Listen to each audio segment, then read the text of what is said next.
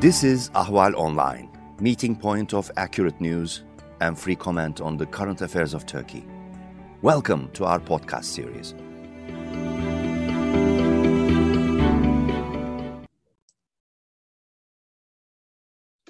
Hello, ladies and gentlemen. This is Ed Stafford with Anatolian Dispatch, one of the Ahval News podcasts. Uh, today we have again um, retired Colonel Rich Outzen, um, who will be discussing Turkey and Afghanistan. He brings a lot of experience to that. He was uh, at one time the US Defense Attache in Afghanistan, in Kabul, and he also spent a year as the liaison between the International Security uh, Force in, Afghan, in, in Afghanistan, ISAF, and um, the Afghan government. So he has a wealth of knowledge. And um, Rich, thank you very much um, for joining us again. We've got great feedback about your presentations, your discussions. Um, I'm deeply sorry that we haven't been able to get you on more frequently, but um, it's been a busy time. So, and, always a pleasure to be here with you. Ed.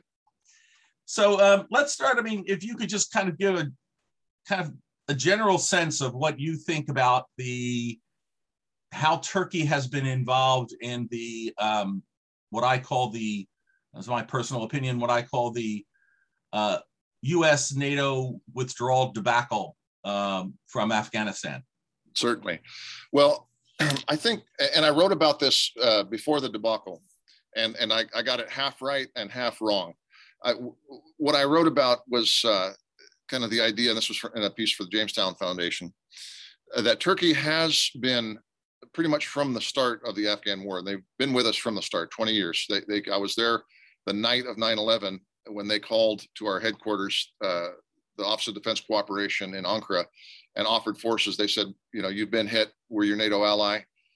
Um, we've got a, a company of special forces on the tarmac ready to go right now. If you're going somewhere, we'll have a battalion ready by the end of the week. And that that was not an exaggeration. That was the deputy chief of, of uh, the Turkish General Staff talking to our senior military officer in Turkey to convey that. And you know what? They came in very, very early. They, along with the British, were the first ones on the ground uh, from NATO to join us uh, after we had inserted special forces for the fighting. And, from very early in 2002, they helped to stabilize the situation. But one of the things that they did from the start, and this continued all the way through this year, uh, and I think in a sense continues still, is kind of a triangulation. Triangulation between NATO and the Western forces, the US led coalition, if you will, on the one hand, the uh, government of Afghanistan, the GIRoA, as we call it, government of the Islamic Republic of Afghanistan, on the other hand, and the Taliban. And it's not that they were in any sort of a formal relationship with the Taliban, but the Turks consistently cite the fact that they've got ethnic ties to some Afghans and historical ties to all Afghans. The, the Turks who settled, the Oghuz Turks who came through Central Asia to settle in Anatolia, pass through Afghanistan, and they have cultural ties. Uh, they have political ties that go back to the time of Amanullah Khan in the First World War and Ataturk, and even before Ataturk in the, in the Ottoman time. So the Turks have always been aware of Afghanistan. They didn't just uh, sort of discover it after 9 11 like we did. So, I mean, in, in terms of the public consciousness. Right. So, so they have always tried to not kill Taliban because they don't want to be seen as killing Afghans. They didn't want to have so they'll they what they did as part of the coalition in Afghanistan was they helped stabilize, they trained, they, they ran hospitals, and very quietly they also had back channel conversations with the people who were, if not Taliban, were certainly close to the Taliban. So this triangulation, I suspected, would continue. That as GIRoA uh, sort of went through the transition into being in the lead in the fight, and the U.S. pulled its forces out, that there would be this uh, external support. I this is where I was wrong. I thought the United States would maintain robust air uh, power, air support, logistical support. I had no idea how abruptly and totally uh, we had deconstructed our support to the Afghan forces, which really put the writing on the wall in terms of what, what happened in July and August. So I, I suspected that they would be triangulating still, even in, in, our physical absence, and their role would be uh, amplified. This seemed to be borne out by the negotiations overrunning the Kabul airport, which uh, had gone on for many months, but essentially had Turkey uh, under NATO authority, uh, representing NATO, securing the airport uh, sort of in an assist role uh, to the uh, to the Afghan government, helping to protect the, the airport, but really the whole diplomatic uh, enclave in uh, Kabul as well. That all ended when NATO fundamentally pulled out. The NATO mission ended, so there were no more NATO authorities to run the airport, and GIRoA collapsed because the Taliban uh, successfully drove them out, and that left Turkey in a sense still wanting to do the triangulation, still wanting to balance between the Taliban with whom they had maintained correct relations uh, and the uh, external community. So, and I think they're still trying to figure out whether it's possible to do that and, and, and looking at the development of things in Kabul. Yeah, I, I think, you know, what what's what's very important, particularly for audiences who, who, you know, as the whole issue of Afghanistan faded, particularly among Americans, faded in the in the public consciousness. Um, you know, for our purposes, when talking about Turkey, I think it's very important to to mention the historical and cultural connections that have existed for centuries. Um, a couple weeks ago, I had Chris Kilford, who uh, retired um, Canadian officer, and um, a historian by training, and you know, he made the point, um, the same point, not in as much detail as you just made, that there are those connections, and that actually opens up the possibility of the Turks doing something. Now they've already been doing triangulation, as you say. So where's the way forward? I mean, they're doing something at the airport currently, but do you see that there's a possibility that they might be able to have some sort of moderating influence on the Taliban? So the Taliban 2.0 is not this kind of horror story that we had from what was it, 96 to 2001. Yeah. Well, so so they've done this sort of thing before, and I think there's a chance they'll be able to do it in Afghanistan as well. Uh, Libya is one example. Syria is another example where they've worked with uh, groups that are sort of jihadi or borderline jihadi, and uh, sort of like uh, you know the Syrian National Army is an example that was a ragtag bunch. And uh, you know it's still look it's still not a super sophisticated force. Right. but the turks have uh, required that they have military judges that they have military police. They've tried to give some structure and some formality to it with mixed results. But this is what the turks do. They institutionalize so uh, this is what they were trying to do with GIRoA was to try to help uh, train non-commissioned officers and and do that sort of thing with, with the police as well as with the military now taliban is not your standard force. So it'll have to be a little different. The Taliban are also prickly nationalists uh, in, in yeah. the Afghan sense, so certainly in the Pashtun sense. So I don't think that they'll want to accept Turks as a, a, sort of a mentoring role. But there's clear gaps in Taliban capability uh, and competence that mean they do need the Turks, and they've admitted this. They've admitted that uh, on the matter of uh, maintaining radars and you know function of the airport. That's one other places where the Turks could leverage things that they're good at, that the Afghans, uh, especially the Taliban, need, and sort of conditional it, uh, conditionalize it in in uh, some intelligent ways, or, are reconstruction writ large. At some point, there will be reconstruction money coming into Afghanistan. There's a lot of uh, damaged infrastructure as a result of the fighting, the war, despite the money that we poured in. And the Turks are very good at construction. And as a matter of fact, some of uh, President Erdogan's key uh, political supporters and allies uh, run large conglomerates that include construction arms. So I think construction is one example where the Turks could make some money, uh, but it would be conditionalized uh, on the, the Taliban playing nicely and probably bringing in more representative ministers in the ministries that oversee the reconstruction contracts. There's uh, food and food distribution, there's transportation networks. Right. There's a lot of economic sectors where the Turks can parlay their skills, their reach, their talents in a way that profits them, but also encourages good behavior on the part of the Taliban.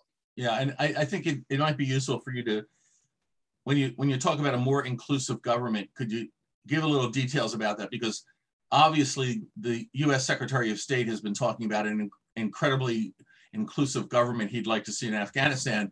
Um, I don't think you and he are talking about the same thing, um, un, un, unless I, I I'm really confused. no, I, I, think you're right. I, so I, I, think a demographically and politically inclusive government would do a couple things. First of all, you'd see uh, the different ethnic communities represented.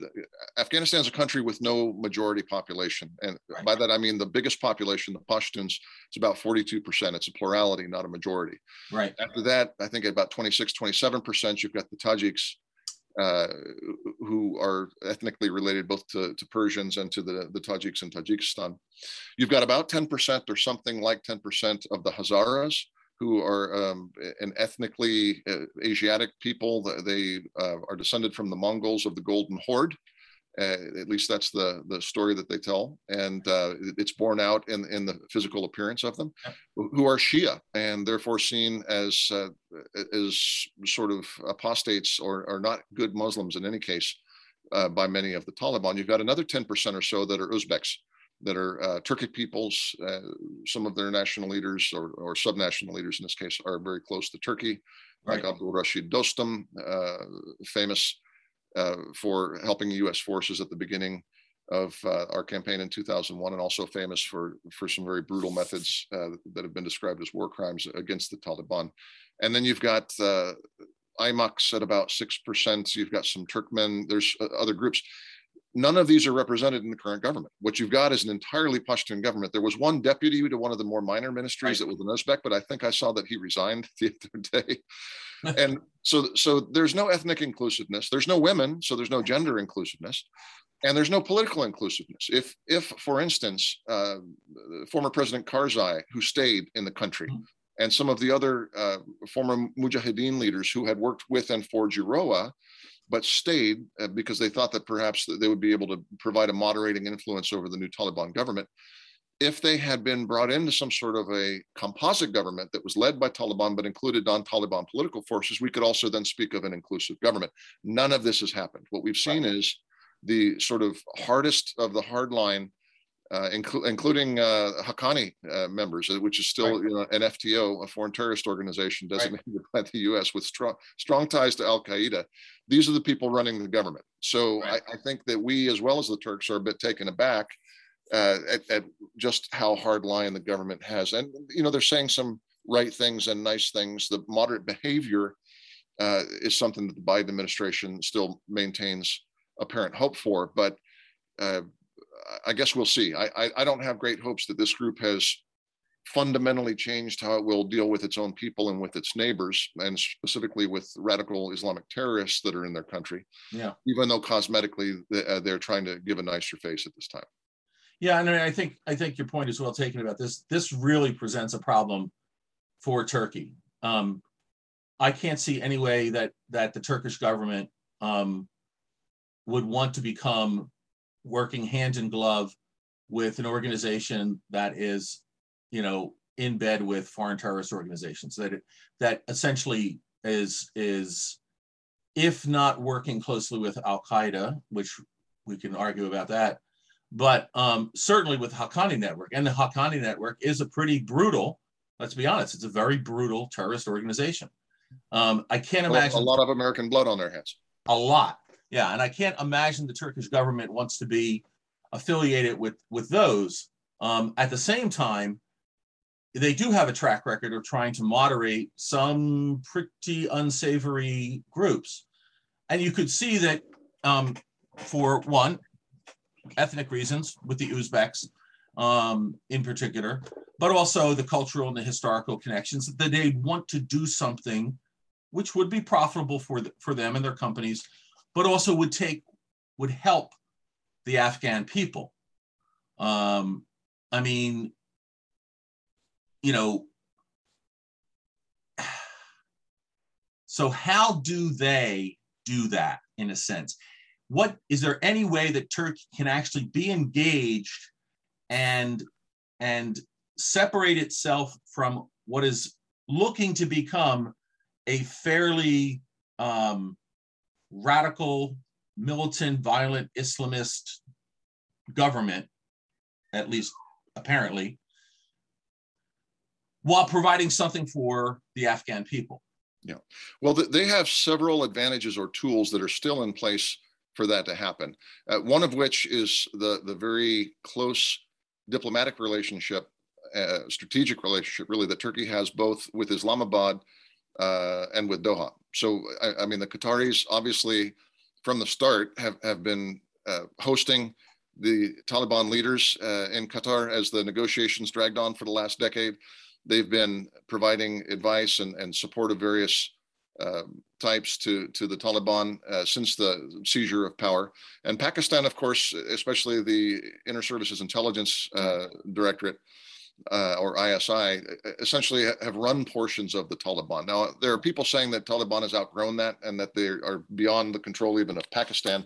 But at the end of the day, this is not this is not a uh, movement or now a government that has significant resources of their own, not on an international scale. 70,000 fighters, okay, and they got what some 10 or 20 billion dollars of US equipment, depending on, on whose numbers you read. Uh, but they lack expertise in a lot of areas. Uh, I mean, they, they were able to use some technology. I read today they had an effective drone program. There, there are areas where the Taliban are not exactly cave dwellers, despite right. their reputation, but they don't have broad competence to run a modern economy, uh, modern society. And most of the people who did have that experience are fleeing the country. So they're going to be dependent. And so it's up to Turkey, Qatar, and Pakistan, who have exceptional inside leverage over this movement to both provide them wise counsel uh, about their own weaknesses and how to ameliorate those, but also to, to use that leverage uh, to, to, gain some real moderation out of them. Right now, it, it appears that the Qatar, sorry, the, the Taliban want to use uh, the advantages provided by their friends, you know, especially Qatar and Pakistan, but also international funding and financing, which they're trying to get by simply putting on a nice face, but not changing in their fundamentals. Right. And I think that's what these three countries who have exceptional inside influence right now really need to press for. And if they do that, then we can talk about uh, something that becomes an asset to the West, where, you know, the West, and the United States, admittedly having to wipe some mud off of our face after the failure of, of the way we were trying to do it, can actually have a clear eyed approach where we don't have to be hands on. We don't have to be complicit with that government, but that we can, through uh, governments that are closer to us, that are willing to pinch their nose and talk to these guys, can, can achieve some of our goals nonetheless. Yeah. If we can segue um, a little bit. So, um, one of the things that I think went dramatically wrong, and this, of course, is coming from a retired Foreign Service officer, was the coordination uh, in the drawdown uh, and ultimate withdrawal of U.S. forces, which was, you know, as as you've mentioned, this was not a pure U.S. mission. This was a NATO mission. Um, there were until the, I guess, the April 8th announcement by President Biden that we were bugging out and going to be doing it pretty fast. Um, there were at least 7,100 NATO members, forces in the country as part of that NATO mission, including Turks. Um, so, from your perspective, what happened? How come there was no coordination um, amongst the NATO partners? Well, so one reason is that you know we had an inauguration on uh, what January twentieth, and right it immediately became a priority for uh, the incoming administration to figure out its Afghanistan policy. But they didn't know. They didn't come in with a clear policy. So they had to go through a policy review. Mm-hmm. And I think it took uh, with January to April, what's that, three months, right, to figure out what they were going to do. And in that period of time, uh, th- there was remarkable message discipline uh, coming out of uh, the White House, National Security Council, and the lead foreign policy agencies, uh, you know, DoD, CIA, and um, the State Department, of course uh, of course, State Department's lead foreign policy, but they all, you know, you know what I mean. I didn't mean to. Yeah, I know what you mean. Don't worry about it. I'm retired. Uh, Go on. National security and foreign policy agencies. So I, I can tell you because I was in, um, you know, one one of those departments right. through February, and we were trying to get some bandwidth and, and uh, to focus on other issues like Syria. And it was impossible because all of the air in the room was being consumed by what do we do in Afghanistan so I, th- I, think it literally took three months to figure out what we were doing. And in that period of time, not only did the rest of the US government not know and the US public not know what was going on, but neither did our NATO partners. So by the time the decision was made, and with a very aggressive timeline, I, I think that uh, it was already late in the game. And most of the NATO partners uh, have, have made it clear that the speed, just the decision get, to get out was abrupt as quickly as it w- uh, was done, but but also the the pace at which it was determined that it should be done. The Turks, and I, I talked to multiple Turks about this, uh, you know, in April, May, June. I think they didn't understand, like I didn't understand, uh, just how precarious a state we were leaving GIRoA in. And, and I think they assumed that we'd be leaving contracts and money and something that would survive. Of course, even our own intelligence community seems to have thought that we were leaving in place something that would survive until the fall, at least, right. And, and probably into next year. So a part of this is that you know we discern, uh, we reserved the decision time to ourselves. We did not really consult with allies. When we did, and the allies told us, "Don't do this," at least not at this pace, we ignored them. Uh, and then all of our assumptions uh, upon which the plan of action was based collapsed. So, you know, the Turks and the Americans kept negotiating, I, and this was up until July and even into August over this airport deal. And I think the negotiations were done in good faith. I think that they had worked out all the details up, up to and including the type of financial support the Americans would be giving to the Turks to do this NATO mission and the other support from NATO. And then it all fell apart in about two weeks. So I, I don't think that there was uh, a feeling that it was, you know, dictated. This was not the United States dictating and coming in with a heavy hand and forcing NATO or the other countries to do it a certain no, no, way. I don't, yeah. It was just cavalier. It was done um, quickly and without a lot of external coordination in the decision making phase. Yeah. And then in the execution phase, with a disastrously cavalier attitude. Uh, that resulted in us all essentially being in a hostage situation at the Kabul airport. So right. well, bad ideas, badly coordinated. There's a there's a I can't remember who made this saying, uh, but it was uh, I'd rather be hated than ignored. And I don't believe that the NATO partners were, you know, pushed into something, but they were ignored. And then, as as you you noted in your Jamestown piece, you know, the assumption you and many others had was that the U.S. would continue a robust um, ISR and um, kind of helicopter combat support to air support to the Afghan National Army. Well, what would have happened if that had happened? I don't know. I don't think the collapse would have been as as rapid as it was. I think it would have been like Vietnam between 1972 and 1975. People forget that the United States ended its combat role in Vietnam in 1972. Small number of advisors, air support, right. but most right. importantly, a high level of financial commitment and support and intelligence. And in 1972 and in 1973 and in 1974, the North Vietnamese army launched major offensives that were defeated by the Army of the Republic right. of Vietnam, by the ARVN. What happened in 74 is Congress cut their money in half. Exactly and, right. And then cut it in half again. And they no longer could pay for the uh, aircraft maintenance. When they lost the aircraft, they lost a lot of their right. intelligence and their strike capability. Right. And then when the when the final assaults came in late 74 and 75, the game was over. I assumed it would be like that, at least, right. that we would maintain the financial support, effective intelligence, and air support. But the, this administration could not competently do uh, what the Nixon administration did in, in, between 72 and 75. Yeah. And, and uh, we, we all remember, those of us who were alive at the time, the Nixon administration was uh, facing all sorts of controversy about the way it had gotten itself reelected in 72. So um, that they could pull off, um, you know, a basically slowing down the ultimate collapse for at least two and a half years is pretty impressive, given everything else that was going on domestically. And and I think that's part of my issue about competence. But I don't want to go off into the Biden administration's incompetence with the the withdrawal. Let's just let's stick with with this this issue. I mean, you know, you and I have talked before about there are occasional voices inside the Washington Beltway foreign policy um, community, we'll call it. Um, fortunately, they're only occasional, and it's really just a few voices, and you and I know who they are, but I won't mention names. Um, that you know are talking about, oh, is Tur- Turkey a reliable member of NATO anymore? You know, what's it? Well, wait a second. wait a second. They were there from the beginning to the end of the US slash NATO operation in Afghanistan.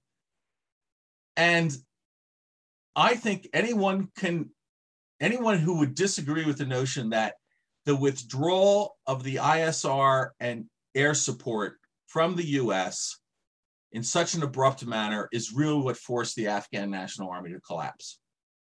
I mean, the morale went to zero because they're suddenly like we're abandoned and they're not getting their equipment repaired. I mean, we, we we've seen the stories about you know zoom calls with contractors who weren't supposed to be doing that but they were desperate to help doing maintenance on helicopters. And and helicopters take a lot of maintenance. Um you know these are not you know you know uh, so so you know for my part if from a turkish perspective my question is you know what's all this talk about us undermining nato solidarity you know what about the us undermining nato solidarity and then and then and so comment on that but also then specifically you know I wonder how that conversation between Blinken and Cavusoglu went.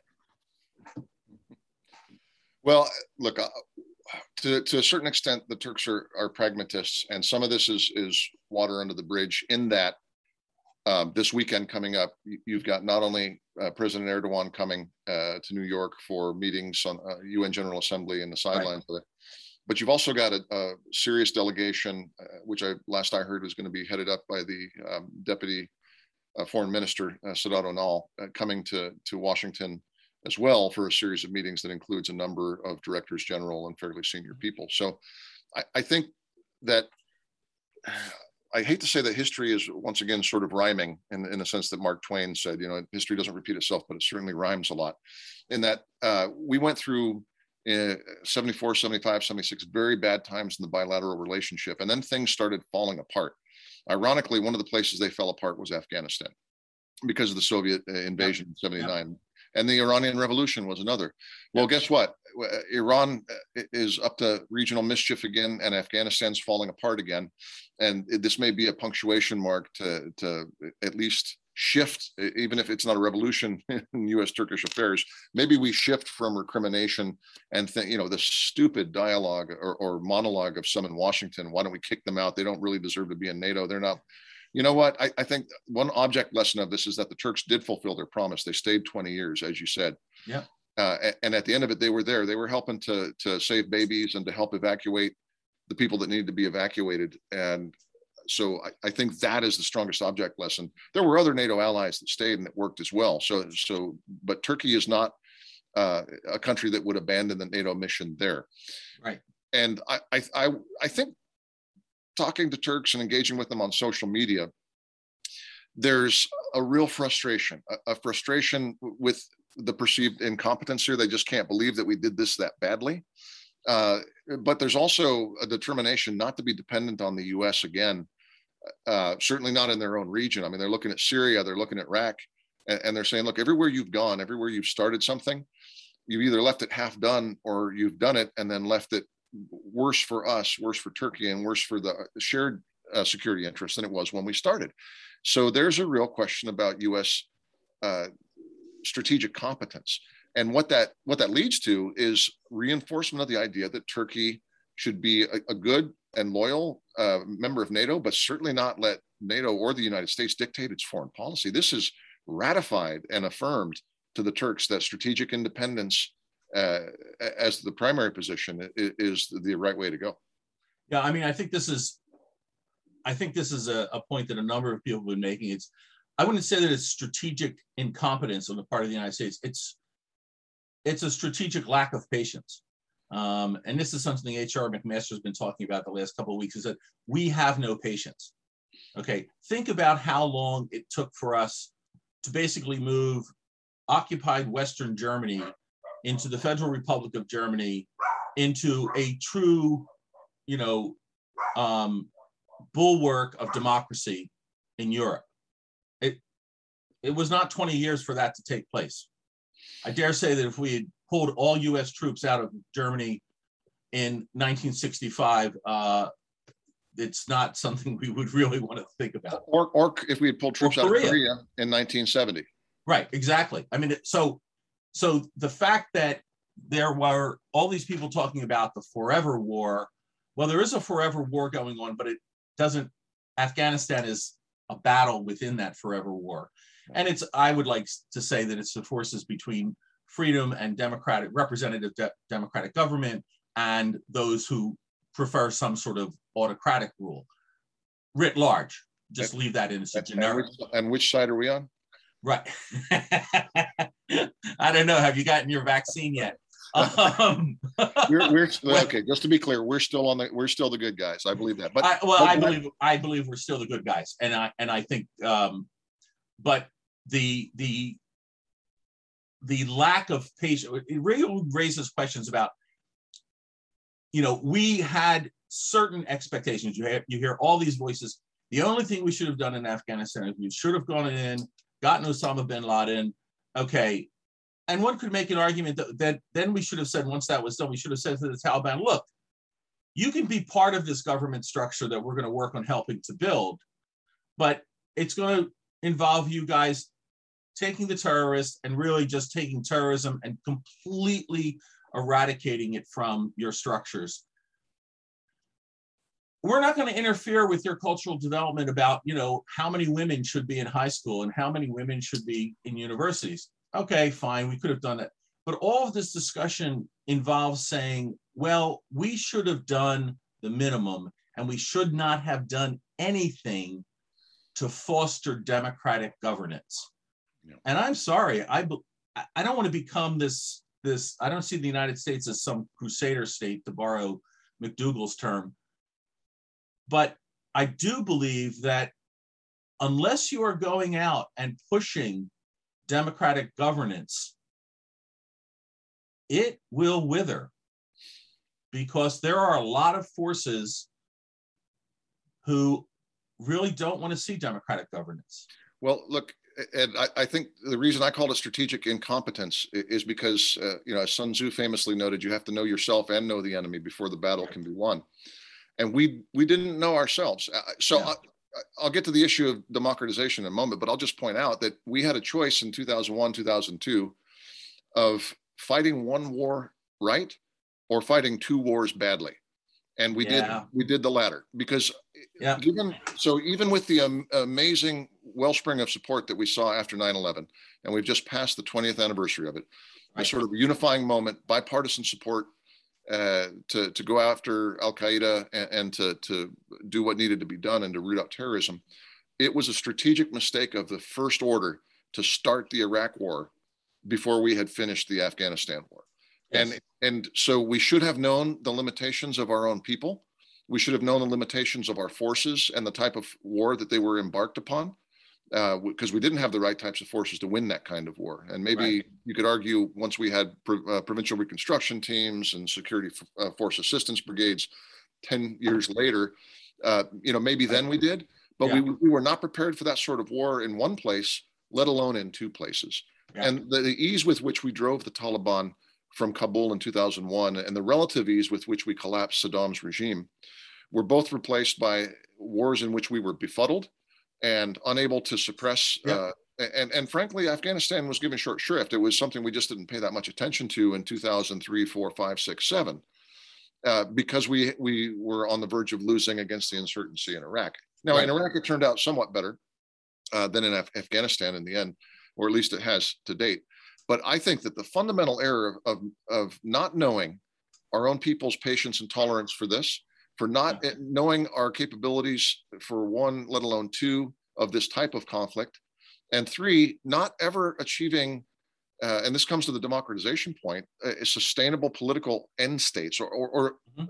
let alone attaining them, uh, identifying them. Right. Because I'll tell you, we didn't we didn't know what we wanted uh, in place in Right. either country. We're like, hey, we want elections, and then the people will figure it out. Well, pardon my language, but that's bullcrap. The, the people, if you're going to go to war and destroy an existing government, you- a have to understand what the market will bear in terms of a slightly better government and what elements there you have to help cobble that together. Yep. And b a sense of delimitation. When when does this end? What's your goal? What's your target? in Germany, we stayed with, you know, what, a half million troops for how long? Um, we put a lot of resources into that. And we did build Right. something very democratic uh, from a, a parliamentary uh, demo- democratic base that had been uh, usurped by the Nazis, but there was still a, a tradition, Right. at least, of parliamentary democracy Right. there. there was a history there that that there was a history there that that in a sense had to be dug up and and revivified but it wasn't that you were starting from barren soil. Yeah, and what you re- recommended, which is to lay out a, a sort of a maybe a shura-based governing structure in which the Taliban would have a role, but there would have to be a better deal for the other for the minorities and for women and and uh, you know less support for terrorism. That probably would have been doable, but we went with a maximalist goal and not a realistic one. And again, all of these to me represent strategic incompetence. I, I think that we have to do some real soul searching about how we're going to intervene in countries. Uh, know, very clearly, we still have the capacity to defend ourselves if we're directly attacked and our, and our direct allies. But in these messy wars overseas where we want things to get better, the sense of modesty and delimitation in our goals has to be a primary lesson from this because we are just not good at it if we judge by the record of the last 20 years. Well, and I would even go, I would go back even a, a further than 20 years, but um, yeah, no, we have, we have. Well, Panama turned out okay. yeah, Grenada went, Grenada went pretty well too. Uh, although it, it, it, did get uh, Maggie Thatcher upset with Ronnie, but um, you know, but anyway, so last thing, let's I mean, let's kind of wrap up with. Um, so I think you're you're absolutely right that the Turks are going to be pragmatic about this thing, um, but at the same time, in, in in some ways, they're going to I I think they're going to bank this in a sense because um, I think you're absolutely right. They they are going they're going to turn a deaf ear to anyone who says you shouldn't pursue a an independent foreign policy. You have to focus first and foremost on nato solidarity. To which they're going to say yeah okay nice theory. What about the 800 pound gorilla around the nato conference table. When we get the 800 pound gorilla can we to to do that and I, I, just think, and I think you're absolutely right. I think what's going to happen is Turkey is going to say, look, we're going to continue to be a member of NATO. We're going to continue to do those things that that that are expected of us, that are also expected of everybody else. But at the same time, um, whether it's in enhancing our defense industries or whether it's working on alliances that might make people uh, in Washington a little nervous because they're not comfortable with who the Turks are speaking out with. Um, I think they'll play that really well. I mean, in in one sense, look what we were doing. The United States was reaching out to Turkey to say, look, can you take over the security of the Kabul airport? And also for, you know, the embassies that are going to still be there once the US leaves. Okay. Um, so it's going to be impossible, frankly, impossible for the US to actually give Turkey any problems about its efforts with whatever results in Afghanistan as the government. And I agree with you. I don't think they're they're they're enthusiastic about a lot of the elements of the Taliban government that we have seen so far. And I'm sure Turkey would love to see some a more diverse ethnic and political structure.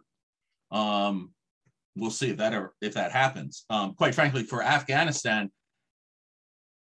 they they have got to get the ethnic and political diversity right, or the Taliban are going to suffer the same fate they did back in 90, 1999, 2001, in that period, when it all started falling apart.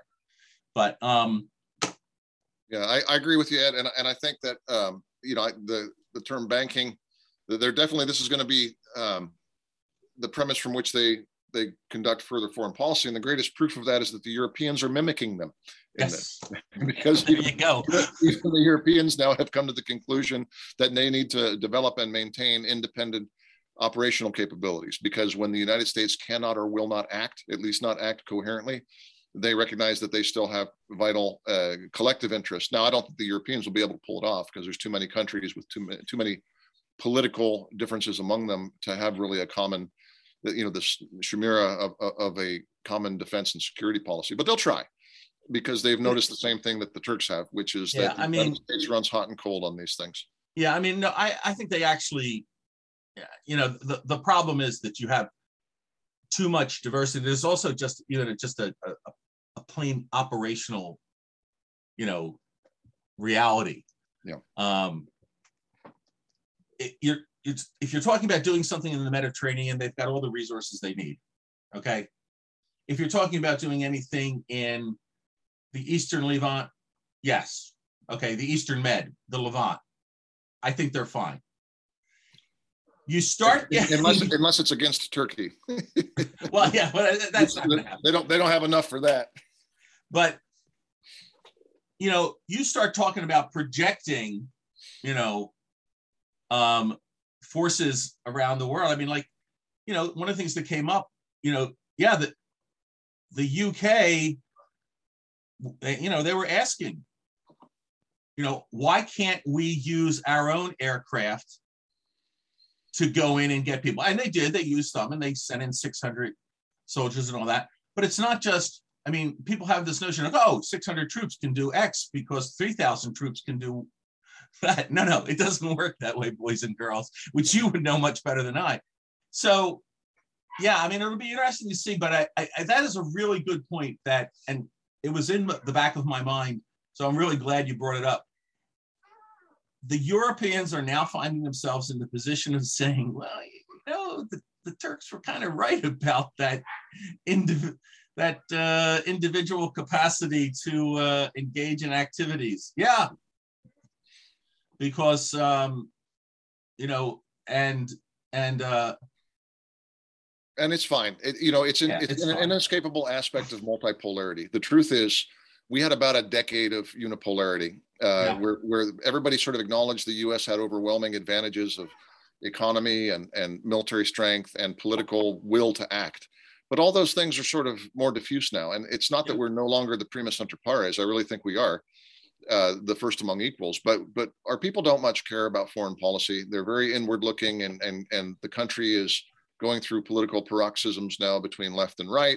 Yeah. And we don't want our people don't want us to be leading or managing any of these places. To be honest with you, so it's more natural uh, for these sort of local uh, constellations of power that are unique to each region: the Eastern Med, North Africa, the Caucasus the Balkans, Eastern oh. Europe, these, these, and Central Asia is another one where, where the Turks will play their particular role uh, and the other powers will. Luckily, in East Asia, uh, where we've got a big China problem, there's also three very big and capable states, uh, you know, that, that, that we work with in the Quad uh, that are concerned about that and willing to keep a free uh, and open Indo-Pacific. So we'll see. It's going to be a very messy and complicated uh, multipolar world for the next couple decades. I don't think I think people have rightfully lowered their expectations in the United States. That doesn't mean we should be discounted. We're still a force to be reckoned with when we get our dander up or, or when we right. care about something very specific. But uh, Afghanistan is a nice punctuation uh, mark ending the uh, conceit of a unipolar world. It clearly no yeah. longer exists. Yep. All right. And it will be fascinating to watch how Turkey plays in that that multipolar world going forward. All right, ladies and gentlemen, this has been Rich Outzen talking again with Anatolia Dispatch about the situation of Turkey in Afghanistan and what's coming going to come result from that. Um, we're looking forward to the visit of President Erdogan. Um, those of you may have caught the message that Rich has a piece that was written in the Jamestown Review um, that was a kind of predictive and showing that um, you know much of what he thought did bear out. So if you want to go and check that out, Jamestown Review, check it online.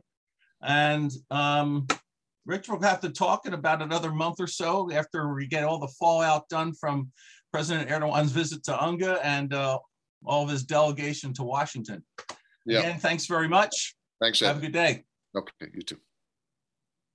Uh, I'm going to. You can follow Ahval News Online podcast series through Apple Podcasts, Spotify, YouTube, Google Podcasts, SoundCloud, and Spreaker. All you need to know about Turkey is here for your ears, mind, and attention. Thank you for listening to our podcast.